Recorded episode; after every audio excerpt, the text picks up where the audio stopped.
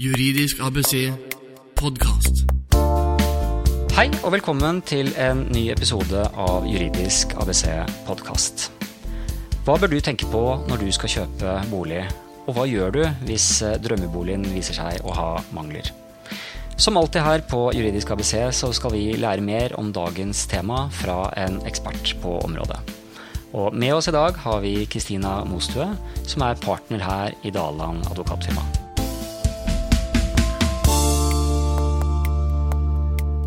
Kristina har en lang og oppfattende CV. Hun har arbeidet som eiendomsadvokat eh, først i en periode fra 1995. Senest kom hun til Daland fra advokatfirmaet Hovind, der hun var fra 2005 til 2013. Hun har vært rådgiver og senere underdirektør i Forbrukerrådet med ansvar for eiendomsmegling og kjøp og salg av fast eiendom. Hun var medlem i det regjeringsoppnevnte lovutvalget for eiendomsmeglingsloven. Hun er utvalgsmedlem i husleietvistutvalget. Hun leder klagenemnda til Help Forsikring, og hun er styreleder i en lang rekke meglerforetak. Kristine har holdt mange foredrag og kurs innenfor eh, fast eiendom, og hun har eh, senest i fjor prosedert en sak for Høyesterett som dreide seg om eiendomsrett. Dette er bare noen av stikkordene som beskriver advokat Kristine Mostue og hennes karriere, og det er derfor en stor glede å ha en så erfaren og eh, dyktig ekspert på området som vi har med oss her i dag. Så velkommen hit, Kristina. Tusen takk skal du ha. Og eh, Kjøp av bolig Kristina, det er eh, jo et stort område og mange regelverk å forholde seg til. Eh, kan du gi oss litt overblikk over eh, hvordan lovsituasjonen er på boligfronten? Det første spørsmålet er jo på en måte om du kjøper bruktbolig, eller om du kjøper en eiendom under oppføring. Og Hvis eiendommen er helt ferdig på sakstidspunktet, da går det som regel etter avhendingsloven. Og da er det kjøp av bruktbolig. I tillegg så kan det komme inn spørsmål som knytter seg til eiendomsmegling. Altså om eiendomsmegleren har gjort den jobben megleren skal. Og da har vi lov om eiendomsmegling med masse forskrifter. Eh, og takstmennenes arbeid kan også være gjenstand for eventuelt et eh, mangelsproblem i ettertid. Så også det kan være en side av saken.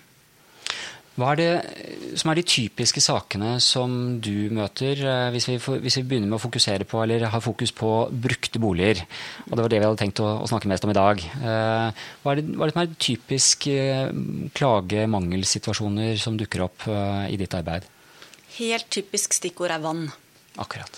Det er vannskader knyttet til utette tak, eller vanninntrengning i underetasjer, eller bad altså, vann i en eller annen fasong som trenger inn i boligen, eh, er et gjennomgående problem. Det er vel ofte også ganske kostbare skader som, eh, som knytter seg til vann og vannskader. Ja, sånn vanninntrengning i kjelleren f.eks. Eh, da kan det være dreneringen som har gått. Og det kan være store følgeskader også. Og sopp og råte er jo da konsekvensen ofte av vanninntrengning. Men eh, hvordan er det eh, disse vannskadene? De, enten så har de vel vært der når boligen ble kjøpt, eller så oppstår de i ettertid. Eh, hvordan skiller det seg rettslig sett? Ja, For at du skal ha et krav mot selger, så må i hvert fall skadeårsaken ha vært til stede på kjøpstidspunktet. Hvis selve vanninntrengningen for første gang skjer etter overtagelsen, så vil det normalt sett være vanskelig å gå på på selger, ved mindre det er en konstruksjonsfeil som forelå på kjøpstidspunktet. Det kan kanskje være vanskelig å få bevist disse tingene? Hvordan, eh, hvordan går man frem hvis man, hvis man, opplever en vannskade høsten etter at man kjøpte boligen på våren f.eks.? Altså Man går alltid frem når man oppdager en skade, på den måten at man må bare reklamere til selger med en gang. Altså Loven har en reklamasjonsfrist som heter at du må reklamere innen rimelig tid. Men hovedregelen da, bare sånn for ens egen del, er bare å gjøre det med en gang. Og en reklamasjon, det er ingen formkrav til den, men man bør gjøre det skriftlig. Og man trenger ikke en takst eller en vurdering fra en fagmann for å reklamere. Så det man gjør, det er rett og slett at man sender en e-post til selger og gjerne eiendomsmegler og eierskifteforsikringsselskap, bare for å være helt sikker på at man har eh, fått frem budskapet. Så sier man hva man mener at er feil i forhold til det man har kjøpt. Og så skriver man at man vil foreta ytterligere undersøkelser og komme tilbake til saken, men at man holder selger ansvarlig for det man mener er feil. Så da er De første tipsene fra advokatene her er da sørg for skriftlighet. og reklamer så fort noe dukker opp. Juridisk ABC podkast. Kristina, etter at man har reklamert, hva gjør man da? Hva skjer videre? Jo, det som skjer videre er jo selvfølgelig at Eierskifteforsikringsselskapet begynner å jobbe med saken og kanskje spør om de kan få sende en takstmann ut. Men man skal være klar over at det er den som påstår at noe er feil, altså kjøper, som har plikt til å dokumentere at det kjøper påstår er riktig. Og Det tilsier at man jo selvfølgelig bør kontakte en egen teknisk sakkyndig som kommer og ser på dette. Og Da vil man etter hvert få både sin egen tekniske rapport, og så vil eierskifteforsikringsselskapet komme med sin. Da kan det vel være to utfall når eierskifteforsikringsselskapet svarer. Enten så sier de her har du 100 000 eller 200 000 eller hva det måtte være, som skal dekke skaden. Eller så sier de kanskje at eh, de ikke mener at det er grunnlag for eh, en forsikringsutbetaling. Og Relativt ofte så vil det første svaret være at de mener at det ikke foreligger grunnlag for noe krav. Mm. Eh, og derfor så kan det være nyttig og hensiktsmessig å få juridisk bistand noen som kan gå gjennom og dobbeltsjekke at vurderingen til eierskifteforsikringsselskapet er eh, tilstrekkelig god. Eh, og man er to parter med motstridende interesser. Sånn at eh, det å ha en egen advokat og det også da ha en egen takstmann, det er veldig nyttig hjelp når man skal ta den vurderingen av om man skal forfølge kravet videre eller ikke. Og Der kommer jo advokater som deg fort inn i bildet. Hva er det du ser på når det kommer en klient som f.eks. beskriver en en vannskadesak. Eh, hvilke, hvilke, vurderinger er det du foretar i forhold til den faktiske situasjonen, og, og, og, hvilket regelverk er det du ser det opp mot da? Ja, Regelverket er avvenningsloven. Um, og så vil det jo innimellom være nødvendig å se på en del byggtekniske krav. Uh, så man, man, går inn i på en måte en del byggdetaljblader og sånn fra Byggforsk, bare for å vurdere ting. Men helt sentralt når jeg skal gjøre en vurdering, det er å gå inn og lese salgsoppgaven med den vedlagte taksten eller boligsalgsrapporten og annen skriftlig informasjon som er blitt gitt til kjøper i forbindelse med salget. Og bare for å ta et eksempel. Eh, hvis man kjøper en nyoppusset bolig som ser veldig fin ut, men det ikke står noen ting om drenering i eh, beskrivelsen av eiendommen, og eiendommen er fra 1940, da kan man som kjøper ikke tro annet enn at det er den opprinnelige dreneringen som eh, gjelder fortsatt. Og da er det påregnelig at den begynner å gå ut på dato. Så selv om det ser veldig glansete og fint ut og mye er gjort, så er man nødt til på en måte å ta utgangspunkt i at det er kjøp av bruktbolig. Og eh, positiv informasjon som er blitt gitt om eiendommen, skal selvfølgelig være riktig. Men står det ingenting om den aktuelle bygningsdelen, ja, da er vi tilbake på byggeåret. Og da må man begynne å se på om eh, levealderen har utløpt for den, den delen av bygget eller ikke.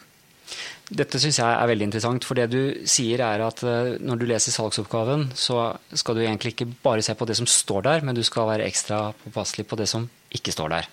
Ja, du må hele tiden tenke at dette bygget er bygget på det året som det står i papirene. Og så må du være klar over at alt som ikke ut uttrykkelig sies uh, av positiv art, da må du legge til grunn at det er byggeåret den delen er fra.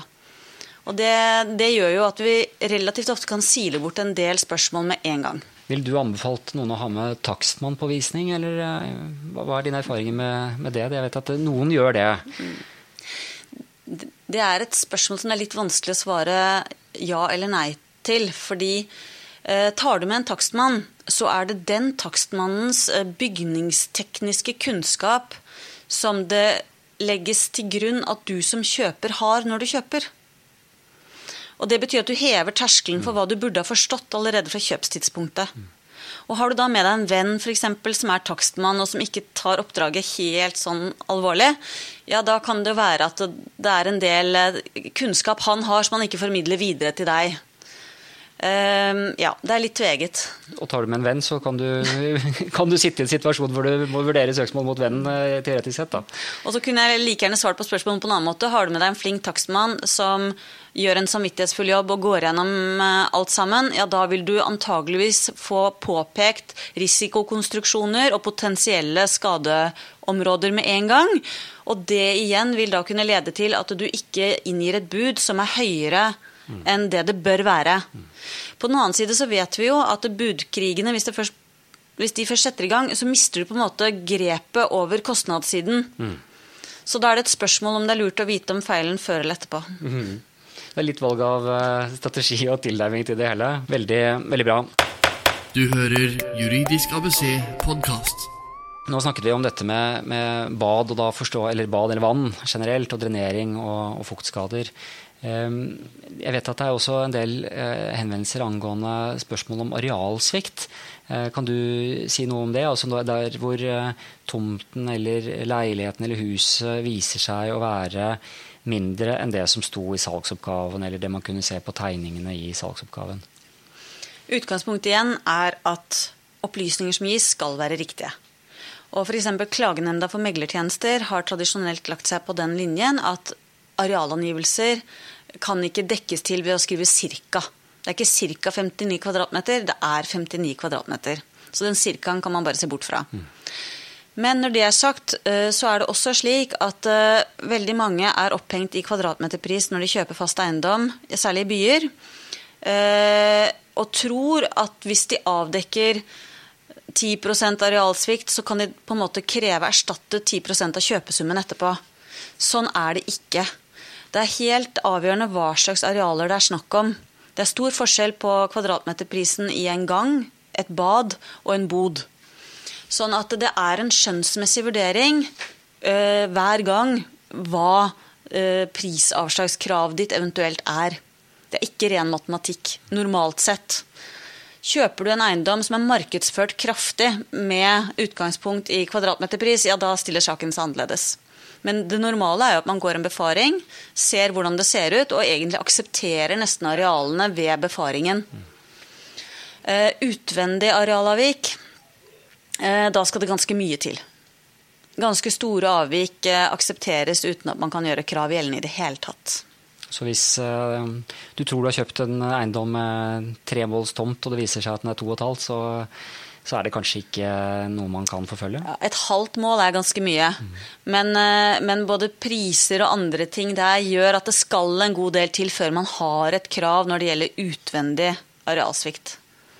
Og da gjelder igjen, sånn som jeg forstår det, så gjelder igjen da uh, å reklamere, dokumentere så fort dette dukker opp. Mm. Og, og så få en vurdering. Ja. Men har man noe krav på å, å, måle opp eiendommen etter at man har kjøpt, eller, eller kan man eh, også fremme et krav hvis du, si du har kjøpt en, en, dyr leilighet i Oslo, som jo kan ha en veldig høy kvadratmeterpris, mm. så har du den i tre eller fire år. Eh, og så skal du selge igjen. Så kommer det en takstmann og måler opp og sier at uh, du trodde den var 78 kvadratmeter, den er nok dessverre 69. Mm. Uh, er det da slik at toget er gått, eller ville du ha vurdert en, en juridisk oppfølging av det? I forhold til forrige eier? Ja. ja. Det som i hvert fall blir helt avgjørende, det er om det har gått mer eller mindre enn fem år siden du selv kjøpte. Fordi etter fem år etter eget kjøp så mister du retten til å klage eller reklamere til tidligere eier. Så er det gått syv år, så kan du bare glemme akkurat det spørsmålet der. Normalt sett. Er du blitt lurt? Hvis du har konkrete holdepunkter, og da mener jeg ordentlig konkrete, beviselige holdepunkter for at du har blitt lurt, da kan du forfølge det også etterpå. Så fem år, og det er da fra kontrakten beskrevet, eller fra overtakelsen av leiligheten? Det er fra overtakelsen. Dette er Juridisk ABC-podkast med advokat Eivind Arntzen. Kan du si noe generelt i forhold til uh, hvor, hvor, hvor, ofte blir det egentlig tvister knyttet til kjøp av bolig? Vet vi noe? Har vi noe tall på uh, hvor, hvor mange mangelsinnsigelser som kommer? Jeg sitter ikke på noen eksakt statistikk, men uh, det tallet jeg hører bli snakket om, er at ca. hver femte boligkjøper reklamerer på et eller annet ved kjøpet. Og så er det ikke alle av de sakene som ender med at man har rett til reklamasjonen. Men det er ganske mange henvendelser knyttet til kjøp av fast eiendom, og det er jo ikke noe rart, for det er ganske kostbart å kjøpe fast eiendom. Mm. Hvis man da sitter med en um, Si, man har kjøpt en eiendom hvor uh, det i ettertid uh, konstateres at det er en del mangler. Man har kanskje hatt en, en eller flere bygningstekniske eksperter inne som har gitt et estimat på hva dette koster. Og, og det er på si en halv million, for å ta et, ta et tall. Mm. Hva må man se for seg i kostnader for å forfølge disse kravene? Er det noe, noen forsikringsordninger? Er det noen måte å få, få, hjelp uten at man skal bruke en halv million på å forfølge kravet? Mm. Ja, De aller aller fleste har jo da det som heter en rettshjelpsforsikring, enten gjennom innboforsikringen sin eller villaforsikringen sin. Den pleier å være på 80 til 100 000, og det er også noen som har 150 000 i forsikring, og så er det en egenandel. Det som er viktig i disse sakene, også, det er at man er veldig målrettet når man begynner å jobbe med saken. Fordi en, en dag i retten eh, koster fort eh, rundt 100 000 kroner. Og da er hele forsikringen Og da er forsikringen gått. Mm. Sånn at det er veldig viktig at man på en måte raskt kommer til kjernen av saken og bestemmer seg for riktig strategi i forhold til det spørsmålet man skal ta stilling til. Så hvis vi begynner å oppsummere litt her nå, så forstår jeg det dit hen at eh, kommer det en mangel, eller viser det seg en mangel, så gjelder det å reklamere til selger, gjerne eiendomsmegleren, eh, alle som har hatt befatning med salget fra selgers side. Eh, ta en vurdering i forhold til kostnadene, eh, hvor stor mangelen er, hvis man vet noe om det.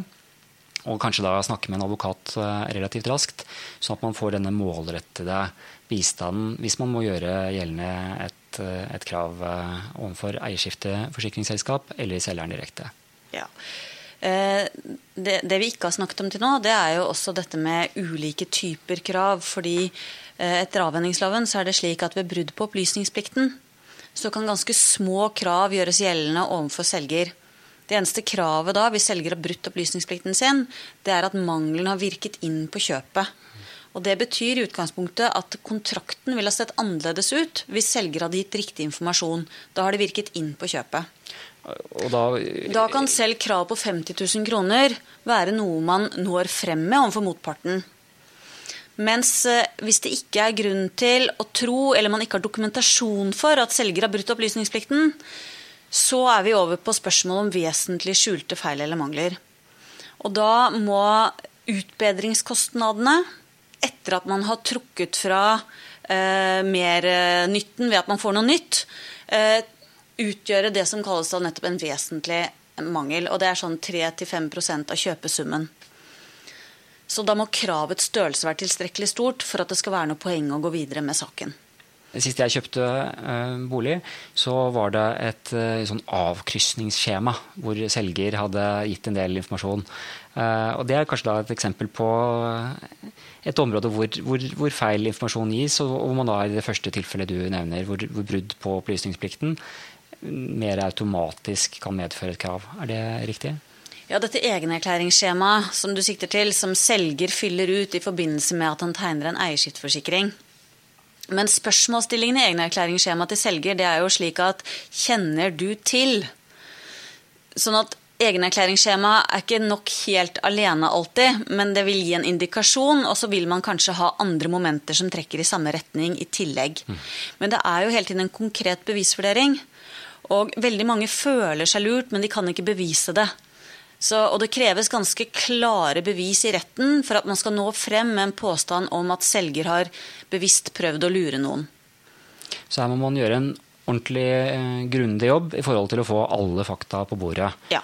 Alle fakta må på bordet, men det vi også ser, det er at det er ikke sjelden at det er taksten eller boligsaksrapporten også som er en kilde til misvisende eller uriktig informasjon.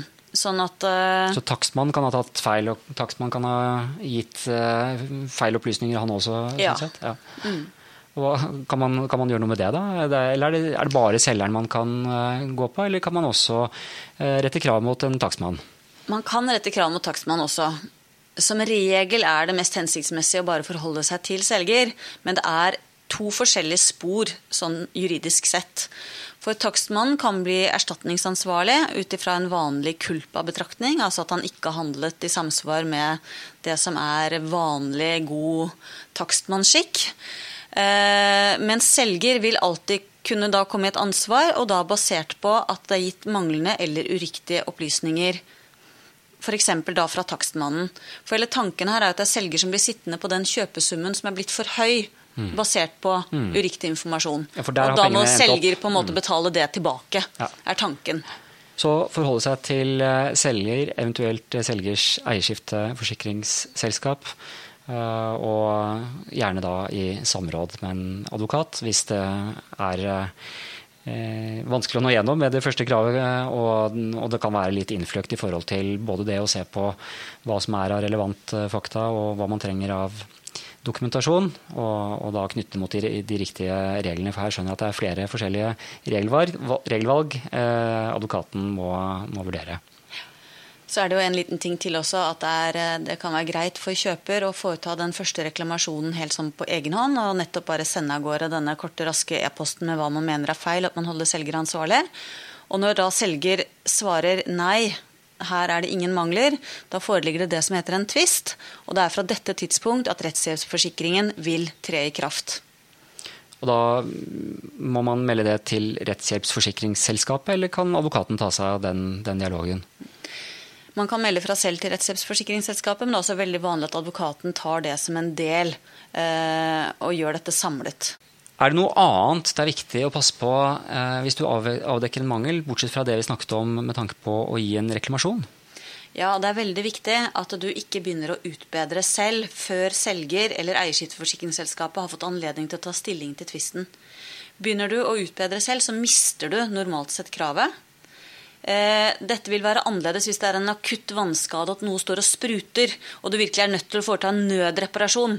En nødreparasjon kan man alltid foreta, men ikke noe mer enn det, før selger da får sjansen til å komme og se selv og ta stilling til hvordan det ser ut før det er blitt eh, reparert. Så oppdager du fukt på badet, så kan du ikke rehabilitere det selv og sende regningen til eh, selger i ettertid. Nei. Du må rett og slett da reklamere og invitere selskapet til å komme inn og se på dette sånn det ser ut. Og så kan man starte utbedringsarbeidene etter at det er avklart at selger ikke ønsker å bruke utbedringsretten sin, men heller er innstilt på å betale et eventuelt prisavslagskrav. Juridisk ABC podkast. Tusen takk. Nå har vi vært innom mange forskjellige spørsmål, og det er mye å ta tak i når det gjelder eh, kjøp av bolig. Men eh, jeg har i hvert fall eh, fått mye, mye nyttig og god informasjon fra deg, Kristina. Kan du avslutningsvis bare oppsummere hva er dine beste råd i forbindelse med kjøp eiendom? Og er det noen spesielle fallgruver du vil advare mot? Og, og til slutt eh, si noe om hvordan man kan komme i kontakt med deg dersom man har behov for advokatbistand. Mine beste råd det er å rett og slett reklamere skriftlig med det samme man oppdager at noe er feil ved boligen. Og uttrykkelig gjøre gjeldende at man holder selger ansvarlig for det som er feil.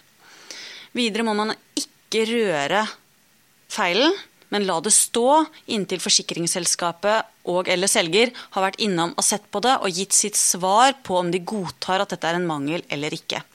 Etter at dette er gjort, så vil det ofte være klokt å kontakte en egen advokat og en takstmann som kan komme både og se på mangelen og eh, ta stilling til det forsikringsselskapet og selger påstår eller hevder på sin side, slik at man får en egen vurdering.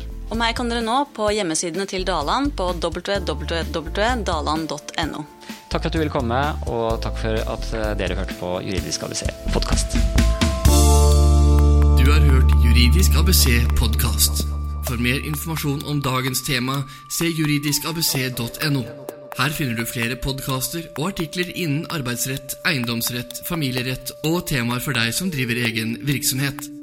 Meld deg på vårt nyhetsbrev på juridiskabc.no.